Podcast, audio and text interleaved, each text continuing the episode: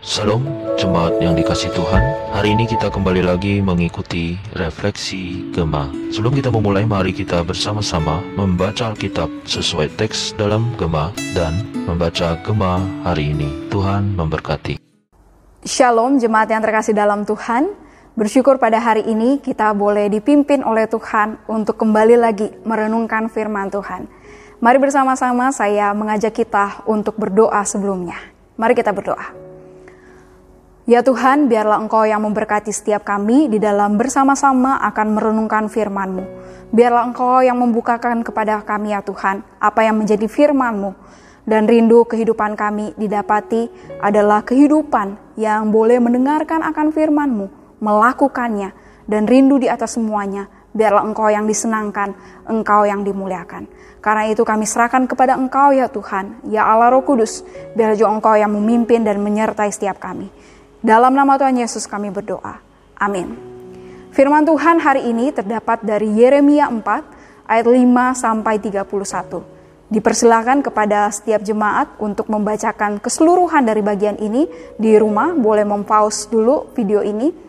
Tetapi di dalam bagian ini saya akan membacakan ayat 22 dan 27 saja. Demikianlah firman Tuhan. Ayat 22. Sungguh, bodohlah umatku itu mereka tidak mengenal aku. Mereka adalah anak-anak tolol dan tidak mempunyai pengertian. Mereka pintar untuk berbuat jahat, tetapi untuk berbuat baik mereka tidak tahu. Ayat yang ke-27. Sebab beginilah firman Tuhan, seluruh negeri ini akan menjadi sunyi sepi, tetapi aku tidak akan membuatnya habis lenyap. Sekali lagi, tetapi aku tidak akan membuatnya habis lenyap. Jemaat yang terkasih dalam Tuhan, pernahkah kita melihat seseorang yang telah menunjukkan akan kebaikan hatinya, kemurahan hatinya, namun ternyata ia ditolak?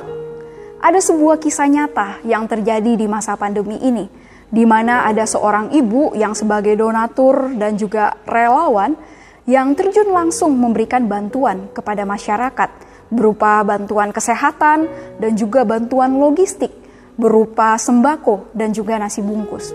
Nah, suatu kali ibu ini bersama dengan timnya memberikan bantuan kepada masyarakat berupa nasi bungkus. Dan ketika ia tiba kepada seseorang yang ia lihat memang membutuhkan akan makanan, ia pun memberikan dua nasi bungkus kepada seseorang tersebut.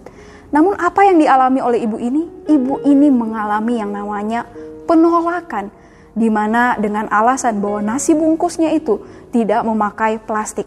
Bahkan ibu ini mengalami penolakan dengan cara yang tidak sopan, di mana seseorang yang menerima nasi bungkus tersebut melempar nasi bungkus itu kepada ibu yang sudah memberikan nasi bungkus tersebut. Begitu miris yang terjadi kepada ibu ini, di mana ibu ini sudah menunjukkan akan kebaikan hatinya, kemurahan hatinya, namun ternyata ia ditolak Demikian juga di dalam firman Tuhan, ketika kita membaca akan kitab Yeremia ini, di mana Tuhan berulang kali ditolak oleh umatnya sendiri, padahal Tuhan sudah menunjukkan akan kebaikan hatinya, kemurahan hatinya itu kepada umatnya. Melalui Yeremia yang memberitakan akan berita penghukuman kepada umatnya, yaitu dengan maksud supaya umat Tuhan itu dapat bertobat. Namun, umat Tuhan lebih memilih hidup di dalam kebodohan yang bagaimana membawa mereka kepada konsekuensi yang lebih buruk, yaitu mereka berpaling kepada berhala, mereka bahkan lebih mempercayai bangsa-bangsa yang lain yang pada saat itu terlihat lebih berkuasa, yaitu bangsa Asyur dan Mesir. Mereka lebih mengandalkan bangsa-bangsa itu daripada Tuhan. Dan Tuhan sekali lagi melalui Yeremia yang memberitakan akan berita penghukuman, ia pun bermaksud supaya umatnya itu dapat bertobat. Tidak terus-menerus hidup di dalam kebodohan, tetapi dapat hidup di dalam kebijaksanaan, yaitu memilih apa yang benar, yaitu firman Tuhan yang dapat membuat mereka terhindar dari konsekuensi yang lebih buruk. Dan menariknya jemaat yang terkasih dalam Tuhan, Meskipun Tuhan telah ditolak oleh umatnya, namun di dalam bagian ini, di dalam Yeremia 4 ayat 27, di situ dikatakan bahwa seluruh negeri ini akan menjadi sunyi sepi, di mana umatnya itu memang akan mengalami yang namanya penghukuman di mana bangsa Babel akan mengalahkan bangsa Asyur dan Mesir yang pada waktu itu umat bangsa Yehuda andalkan. Dan bagaimana lewat Babel yang mengalahkan mereka itu umat Tuhan akan mengalami yang namanya masa pembuangan selama 70 tahun. Dan Tuhan mengizinkan akan penghukuman itu karena apa? Dengan maksud untuk mendidik, untuk mengasah kembali jemaat Tuhan untuk berpaling kepada Tuhan, untuk hidup di dalam kehendaknya. Dan Tuhan menyatakan di dalam ayat 27 ini bahwa ia tidak akan membuatnya habis lenyap. Ia tidak akan membuat umat Tuhan itu habis lenyap. Tetapi dengan kasih yang daripada Tuhan, Tuhan akan memulihkan umatnya. Bahkan melalui Yesus Kristus, Tuhan pun menyatakan akan penebusan kepada umatnya yang meskipun berdosa tidak layak, namun Tuhan memberikan akan penebusan keselamatan itu kepada umatnya. Seharusnya umatnya dapat melihat akan kebaikan Tuhan ini, dapat melihat kemurahan hati Tuhan ini, dan tidak menyia-nyiakan hidupnya dengan memilih apa yang bodoh, tetapi hidup di dalam kebijaksanaannya.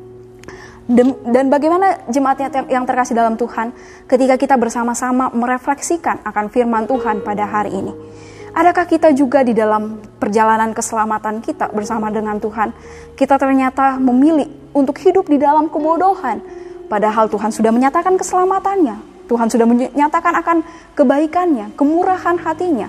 Kita memilih, lebih memilih apa yang bodoh dengan hidup di dalam dosa kita terus-menerus di dalam perjalanan kita, kita lebih mengandalkan hal-hal yang lain yang di luar daripada Tuhan. Mari melalui refleksi firman Tuhan pada hari ini, biarlah boleh mengingatkan kita untuk hidup bijaksana, yaitu dengar-dengaran pada apa yang menjadi firman Tuhan yang dapat membentuk hidup kita, menghindarkan kita dari konsekuensi yang lebih buruk, dan rindu kehidupan kita didapati adalah kehidupan yang menyenangkan dan memuliakan nama Tuhan. Biarlah firman Tuhan ini yang juga boleh menjadi berkat bagi setiap kita. Mari bersama-sama kita berdoa. Ya Tuhan, terima kasih atas firman-Mu yang diberitakan kepada setiap kami pada hari ini. Biarlah ya Tuhan Engkau yang menolong setiap kami untuk kami di dalam perjalanan keselamatan ini boleh hidup dengan bijaksana. Tidak hidup di dalam kebodohan ya Tuhan. Hidup kembali pada dosa. Hidup mengandalkan hal-hal yang lain yang di luar daripada Engkau ya Tuhan. Dan tolonglah firman-Mu pada hari ini boleh menegur kami dan boleh membawa kami untuk boleh memilih hidup bijaksana, hidup yang sesuai dengan firman-Mu yang menyenangkan dan memuliakan Engkau. Terima kasih ya Tuhan atas firman-Mu. Kami serahkan waktu ke depan ke tangan-Mu. Dalam nama Tuhan Yesus kami berdoa. Amin.